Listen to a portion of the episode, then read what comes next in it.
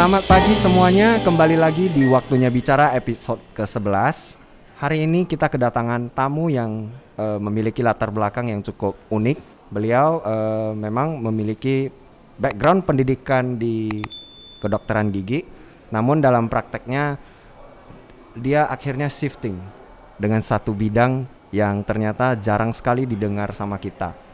Jadi hari ini kita mengundang narasumber ini untuk berbicara lebih banyak tentang bagaimana proses historinya dia akhirnya mau shifting, uh, berani berubah, keluar dari zona nyaman.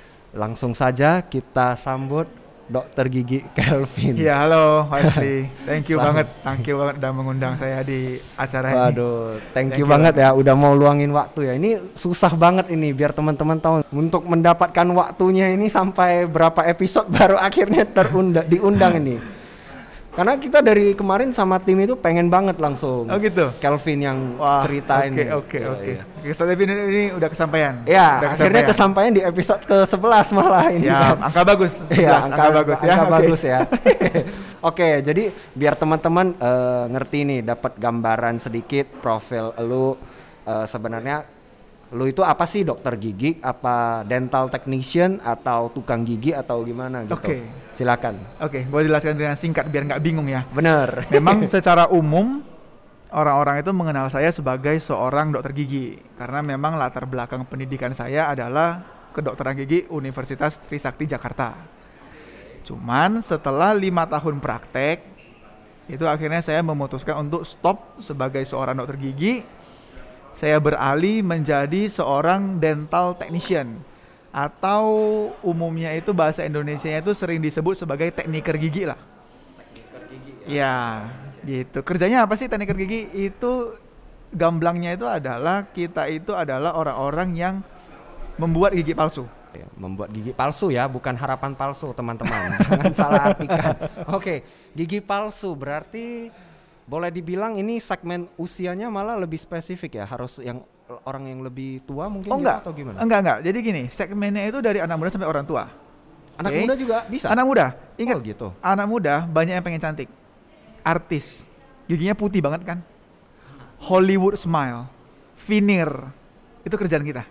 Oh, jadi itu belum tentu gigi yang asli yang Jadi belum tentu hanya gigi yang rusak saja yang kita perbaiki, tapi juga memang kalau misalkan ada pasien-pasien yang ingin giginya tampil lebih mentereng berbeda dengan kawan teman-teman yang lain pengen Hollywood smile itu istilah yang sangat populer terutama di Jakarta Hollywood smile. Nah itu biasanya mereka ke dokter gigi dokter gigi akan planning rencana perawatannya. Lalu setelah itu giginya kalau perlu diasah akan diasah dicetak kirim ke tekniker. Orang-orang seperti kami ini kita yang akan menempa veneernya. Veneernya itu yang nanti akan dokter pasangkan kembali ke pasien. Oh, jadi berarti ini menarik ya. Ternyata memang sih uh, tren lima tahun ke belakang ini saya mulai melihat daripada sekedar isu kalau gigi rusak aku baru ke dokter gigi banyak yang udah alasan estetika gitu. Benar, estetika. Sampai ada istilah Hollywood smile Hollywood tadi, ya? smile, benar. keren keren. Seperti itu. Jadi uh, sebelum profesi jadi tekniker, yang saya tahu Kelvin ini sempat uh, menempuh pendidikan kedokteran gigi seperti yang tadi sudah dibilang. Lalu sempat berpraktek malah. Benar lima ya? tahun. Lima tahun berpraktek. Lima tahun. Terus kemudian malah berhenti dan berganti profesi yes, ke jadi ya, setelah lima tahun gigi. berhenti total full time jadi tekniker sampai sekarang. Jadi boleh dikatakan saya udah hampir tiga tahun nggak pegang pasien sama sekali. Oke, okay. itu sebenarnya uh, mungkin aku tanyanya simpel dulu deh, karena aku masih agak bingung apa sih beda dokter gigi sama tekniker gitu. Oke, okay. perbedaan yang paling paling paling paling mendasar, tekniker tidak bertemu pasien, artinya tidak langsung handle merawat pasien. Dokter gigi langsung merawat ke pasien. Jadi mostly tekniker itu tidak langsung bertemu dengan pasien.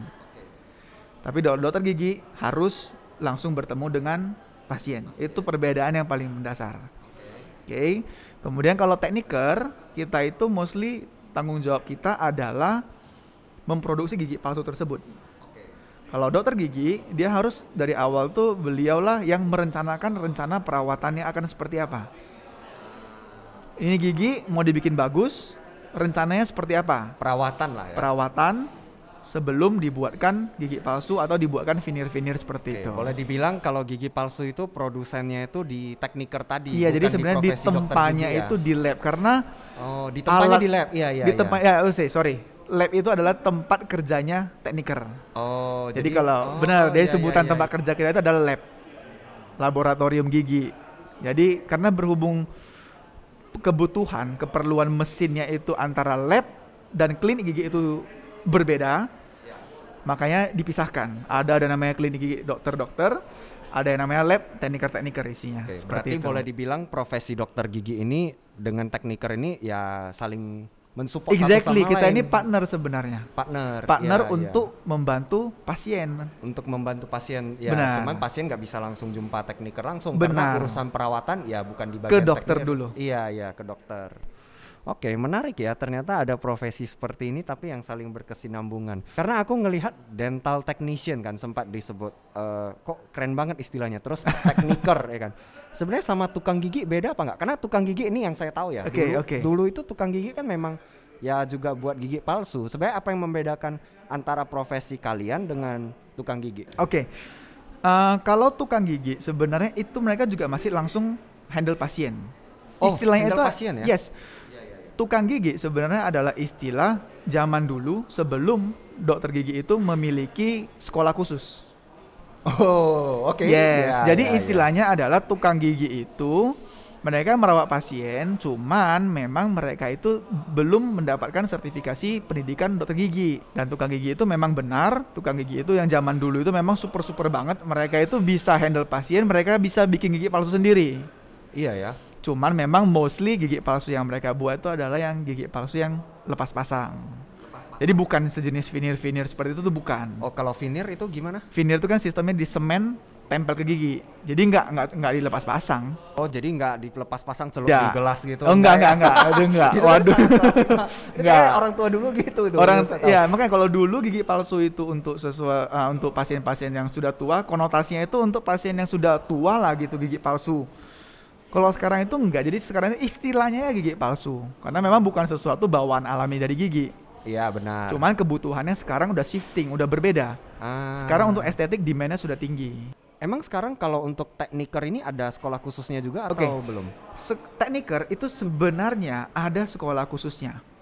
Jadi kalau kita mau masuk kuliah, itu ada tuh jurusan tekniker gigi itu ada.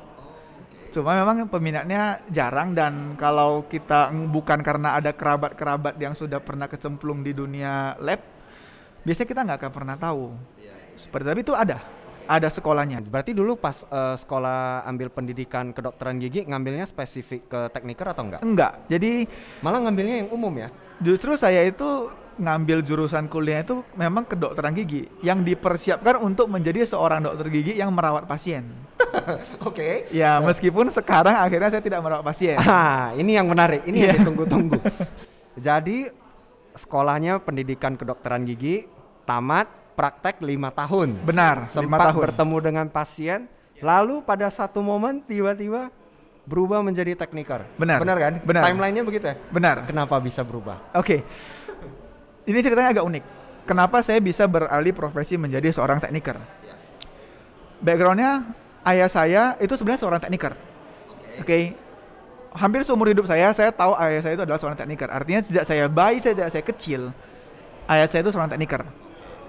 Beliau tekniker, saya hampir setiap hari ngeliatin dia kerjain kerjaan tekniker, tidak pernah sekalipun terpikir saya akan menjadi seorang tekniker Di lab ini ya? nggak pernah iya Padahal benar. udah ngelihat lab. iya saya saya dibesarkan di lab gitu loh. Nggak pernah tertarik nggak pernah kepikiran. Oke. Kuliah praktek saya pikir oke saya udah lulus kuliah dokter gigi saya akan uh, kejar kesuksesan kesuksesan saya di Ya, pokoknya nggak ada embel-embel ikut nggak pernah gitu lah. kepikiran untuk handle lab deh.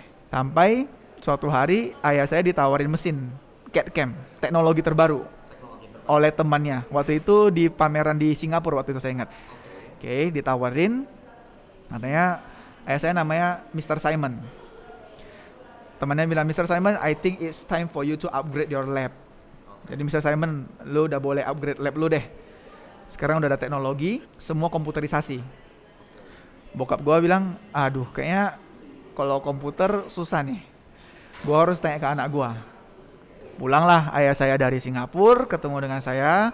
Dia bilang, Vin, ini papa ada dapat tawaran tentang sistem CAD-CAM begitu-begitu. Aku bilang, aduh pak, aku nggak tertarik ke lab. Tapi kalau ada lab yang bersedia untuk kita kunjungin, yang istilahnya boleh saya lihat workflow-nya, kita coba pergi lihat deh. Akhirnya setelah research punya research, obrol punya obrol, terbukalah peluang untuk kunjungi satu lab di Malaysia waktu itu. Lab full CAD CAM yang membuat saya tertarik adalah begini, lab ayah saya itu masih lab analog atau lab manual lah istilahnya, ya. Pekerjanya itu beberapa orang. Boleh dibilang hampir banyak lah gitu kan.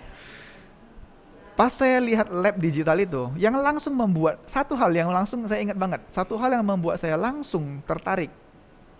Karena labnya dijalankan hanya oleh satu orang saja. One man show, kolaborasinya dengan mesin. Dan menurutku itu keren sekali. Di mana setelah beberapa tahun kemudian saya baru sadar kenapa saya bisa sangat-sangat tertarik dengan profesi ini karena ternyata saya orangnya introvert parah. Wah, jadi berkenalan dengan diri sendiri. Ya, jadi tahu ini semua ya. Benar. Kenapa saya shifting? Itu karena setelah akhirnya saya discover bahwa saya ini seorang introvert. Kerjaan laboratori ini dan data technician ini memungkinkan saya untuk minimal ketemu orang. Dan itu suasana kerjanya itu menurut saya gua banget. Jadi gua bisa kayak nge sendiri di satu ruangan ngerjain gigi ini tanpa ada hiruk pikuk dari orang lain. Nah, jadi setelah itu kita putuskan, saya lihat workflow-nya cocok, suasana kerjanya oke okay banget. Dan saya bilang, Pak, oke okay, kita coba. Setelah masuk, import mesinnya, saya coba jalan dulu satu tahun pertama. Satu tahun pertama, saya kayak kaki sebelah di praktek, kaki sebelah di tekniker. Belum berani lepas dua-duanya. Oke. Okay. Jalanin, dimulai bulan ke-9 itu saya udah tahu pasti. Seterusnya di hidup saya saya pasti akan jadi tekniker. Oh. Tapi oh, okay. keluarga masih jangan deh lu jangan pernah lepasin praktek. Karena istilahnya gini, lu udah sekolah tinggi-tinggi dokter gigi. Lu lepasin dokter gigi, sayang ilmunya. Tapi saya bilang, tapi bukan ini. Saya udah pas saya ketemu profesi sebagai tekniker, saya udah tahu dokter gigi yang berpraktek itu itu uh, bukan panggilan saya lagi maksudnya saya udah nggak bisa ke sana lagi tapi akhirnya saya buktikan ke orang tua ke keluarga bahwa memang saya bisa excel saya bisa uh, do excellence di dunia tekniker. Sampai akhirnya saya sempat beberapa kali diundang pembicara di luar negeri. Dan keluarga saya percaya bahwa saya benar-benar bisa excel dan fokus di tekniker. That's why keluarga juga sudah support dan akhirnya saya cut. Tidak lagi menjadi dokter gigi yang berpraktek tapi saya menjadi dokter gigi yang seorang tekniker. Hmm, ini yang menarik ini prosesnya itu ternyata kan yakin gitu, kayak mau jadi tekniker aja melepas profesi ke dokter uh, dokter gigi ini. Sebenarnya dari keluarga challenge paling besarnya itu di mana? Orang tua menyekolahkan anaknya tinggi-tinggi, saya saya uh, bisa memaklumin ekspektasi orang tua itu seperti apa. Artinya orang tua juga perlu bukti. Maksudnya kita sebagai anak-anak challenge kita dari anak-anak itu selalu adalah bagaimana kita membuktikan ke orang tua bahwa pilihan kita itu memang sudah benar. Dan hanya waktu yang bisa membuktikan dan waktu itu nggak bisa kita percepat kan ya. jadi ya udah kita harus sabar dan benar-benar kita buktikan bahwa saya bisa excel di sini. Oke. Terus kalau misalnya nih kan ceritanya nih untuk proses mendapatkan kepercayaannya ini kan lu ternyata kan sebenarnya berangkat dari motivasi uh, Kelvin ini udah yakin gue kayaknya seumur hidup nih uh, tekniker nih iya, fokus ke iya. sini nggak di dokter gigi lagi itu kenapa sih sebenarnya yang bikin lu yakin uh, eh, gue kerjanya ready di lab memang alasan introvert tadi sesimpel itu atau ada yang eh, enggak introvert itu hanya pemicunya sebenarnya pemicunya, pemicunya. tapi ternyata gue lebih sadar adalah gue orangnya itu cukup perfeksionis dan ketika gue kerjain pasien, gue sering kali ngerasa frustasi. Kenapa? Gue rasa kerjaan gue itu masih belum kelar di mulut pasien. Tapi pasien ini kan manusia. Sometimes kita nggak bisa paksa kerjaan kita seperfect itu karena pasien ini bisa capek. Pasien bisa capek. Oke. Okay. Paham ya? Jadi pasien Paham. misalnya contoh, pasien giginya berlubang gue pengen tumble atau gue pengen lakukan suatu perawatan gue pengen hasilnya itu perfect sebagus mungkin deh at least sampai gue puas tapi pasien ini kan tidak bisa pasien ini kalau dia buka mulut itu pasti ada satu masa di mana dia ngerasa capek Oh, oke. Paham ya? ngerti, Jadi, ngerti. Iya, karena iya. lingkup kerja saya itu di mulut pasien ketika berprofesi jadi Iya. dokter gigi nganga terus capek juga sih. pasien mangap dan iya, ya sedangkan kalau untuk lab kerjaan saya itu kan di model gigi itu sesuatu benda mati duplikat dari gigi pasien yang di mulut yang tadi dicetak oleh dokter gigi dan itu kan nggak bisa capek gitu loh jadi dua hari tiga hari saya mau kerjain itu terus nggak akan ada masalah gitu. Jadi saya bisa terus kerjakan sampai saya ngerasa puas. Nah itu salah satunya. Selain daripada introvert saya agak perfeksionis orangnya. Dan yang ketiga uh, ini art banget. Jadi dulu saya nggak pernah melihat diri saya sebagai seorang yang lebih ke arah art. Tapi karena tadi kan saya sempat, sempat kasih Wisely lihat ya foto-fotonya itu Iya. kan foto-foto ya Sampai saya susah lah membedakan ya ternyata ini. jadi ternyata uh, waktu saya kerjakan ini ini art. Ini sesuatu yang uh, artistik dan ternyata saya discover ya saya memang orangnya ternyata ke arah situ. Oke, jadi memang orang yang selalu ngelihat inilah visual itu visual ternyata- bener bener iya, bener visual, lu yes sih. yes yes. Lebih Karena kalau visual. lu, lu perhatiin value visual makanya lu bisa passionate banget di tekniker ini. Karena kan yang dibutuhkan itu kan memang bukan sekedar teknik ini doang kan tapi bagaimana membuat yang gigi palsu tadi tidak kelihatan palsu di Tidak kelihatan pasien palsu, itu sebenarnya iya. final goalnya kita itu final itu goalnya itu sih. Oke, aku punya tadi kan ini kita udah sempat cerita soal profesi tukang gigi, perbedaannya dokter gigi, terus sekarang tekniker atau dental technician kita bilang dalam bahasa Inggris. Sebenarnya ada perbandingan hasil yang dikerjakan nggak antara profesi lu sebagai tekniker sekarang dengan profesi eh, tukang gigi atau dokter gigi gitu? Eh, saya rasa begini bukan gelar yang menentukan baik atau tidaknya suatu kerjaan. Maksudnya gini tukang gigi kan tidak me- ah, nggak nggak sekolah khusus lah misalnya seperti itu. Tekniker gigi ada sekolah khusus tapi ya kalau kita lihat gelarnya mungkin tidak setinggi dokter gigi oke? Tapi menurut saya gelar itu tidak menentukan hasil kerjanya itu bagus atau tidak. Saya juga pernah melihat ah, terutama di luar negeri itu orang-orang menjadi tekniker gigi otodidak. Jadi mereka itu tidak melalui sekolah khusus tapi hasil kerjaannya itu kelas dunia. Saya berguru dengan mereka dan memang mereka itu tidak tidak harus belajar atau ngambil sekolah khusus untuk tekniker gigi. Memang mereka passionate di sana mereka latih diri mereka sendiri untuk memahami cara kerja memahami karakteristik dari gigi itu seperti apa pokoknya kalau mereka dalamin istilahnya gelar itu nggak nggak nggak nggak berpengaruh ke sana Oke, deh berarti label pekerjaannya itu nggak bisa dikategorikan seperti itulah. Iya, tidak bisa dikategorikan berdasarkan gelar. Karena ini sesuatu yang art. Eh, as we know, art itu universal, jadi tidak berdasarkan gelar. Ya, berdasarkan inilah apa sih tra- eh, reputasi dan track record lo kan dari yang udah ya lo dari hasil kerjain. dan portfolio yang Hasil- pernah hasil- kita iya, kerjakan. portfolionya sih yang akan menjadi jawaban.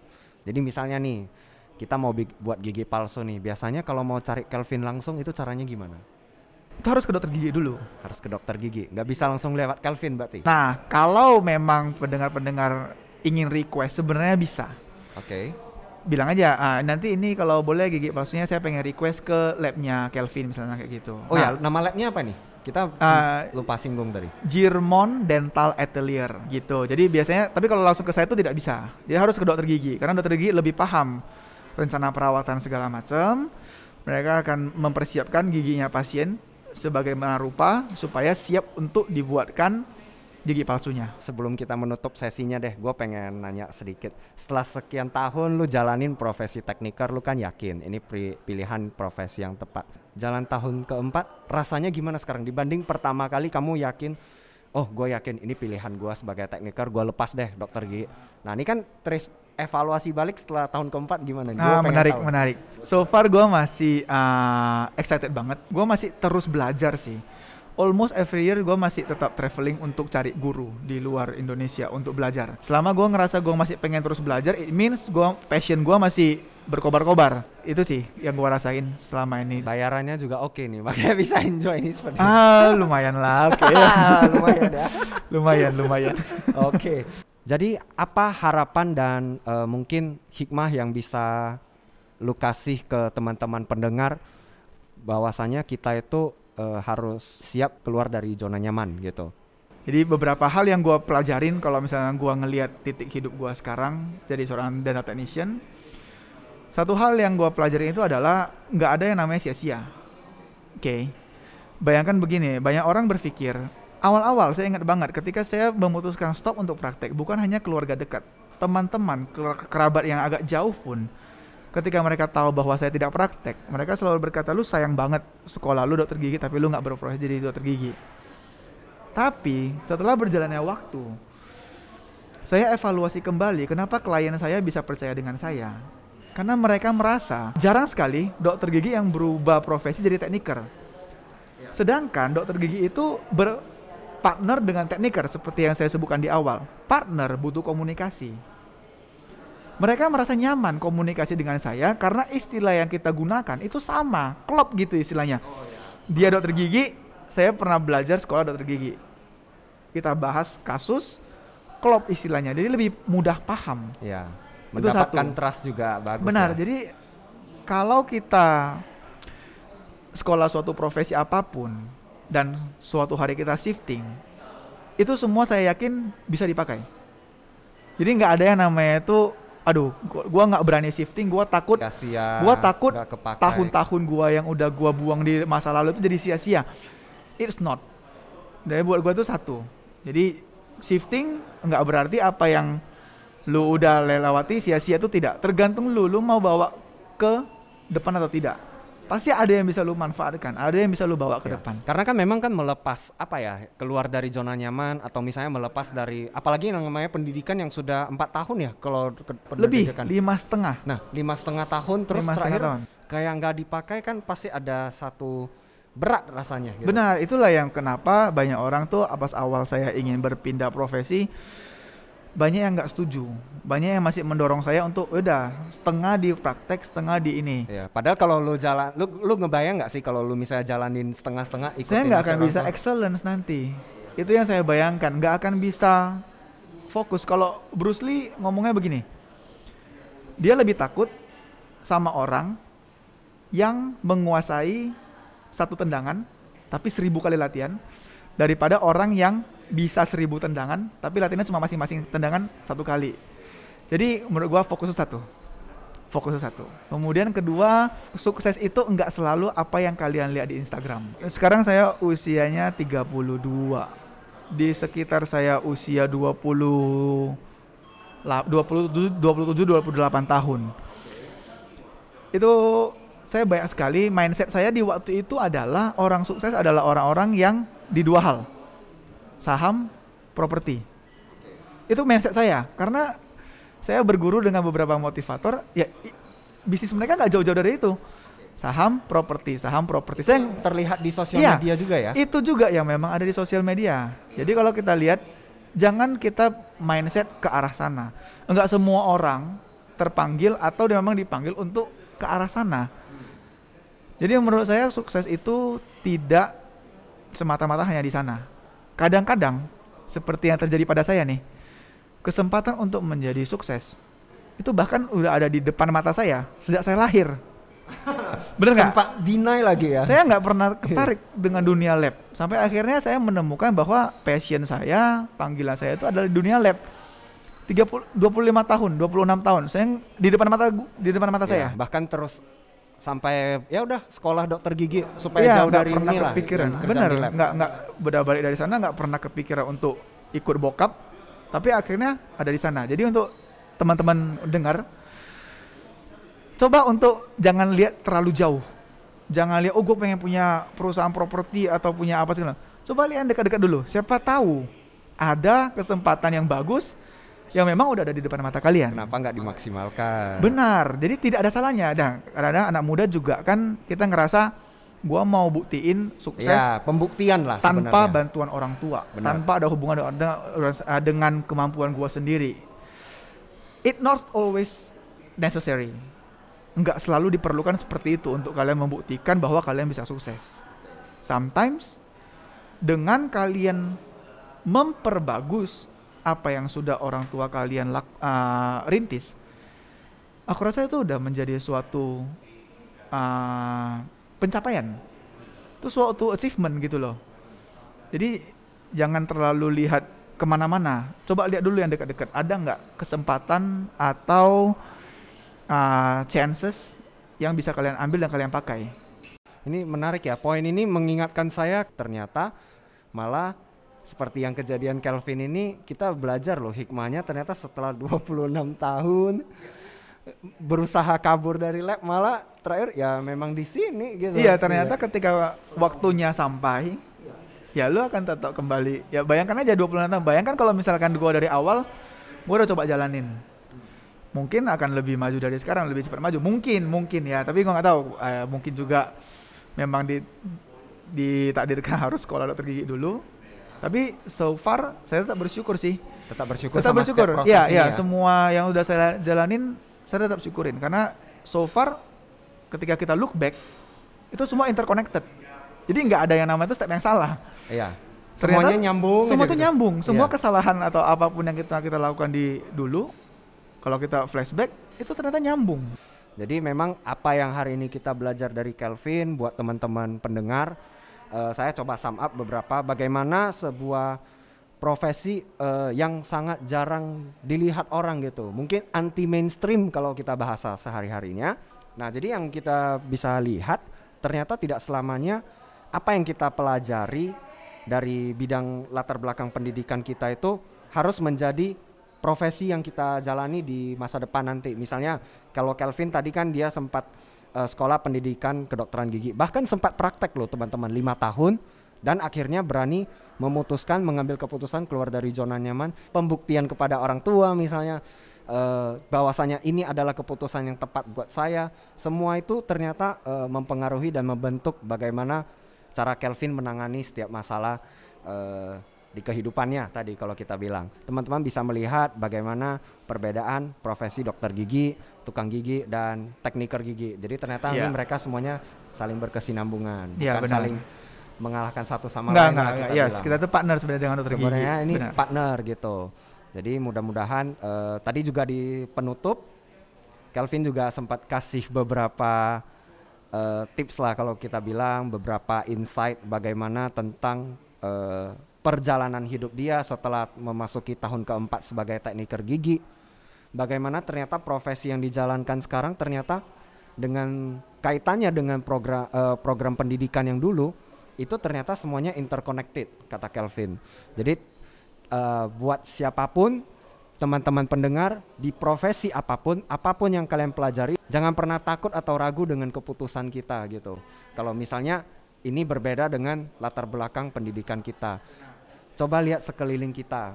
Lihat mungkin ada kesempatan yang bisa kita ubah menjadi lebih baik. Tidak harus melulu membuat sesuatu yang baru benar gitu ya. sekali. Thank you Kelvin untuk sama-sama Wesley. Gue thank you banget lu akhirnya sempat. Mudah-mudahan teman-teman yang mendengar episode ini bisa mendapat sesuatu. Ya, karena karena memang gue dari kemarin udah pengen banget sama diskusi sama tim ini wajib nih tapi episode berapa nih nggak dapat urutannya terus ini? Terpaksa harus sabar dulu nih. Thank you Kelvin. Siap sama-sama Wesley untuk kesempatannya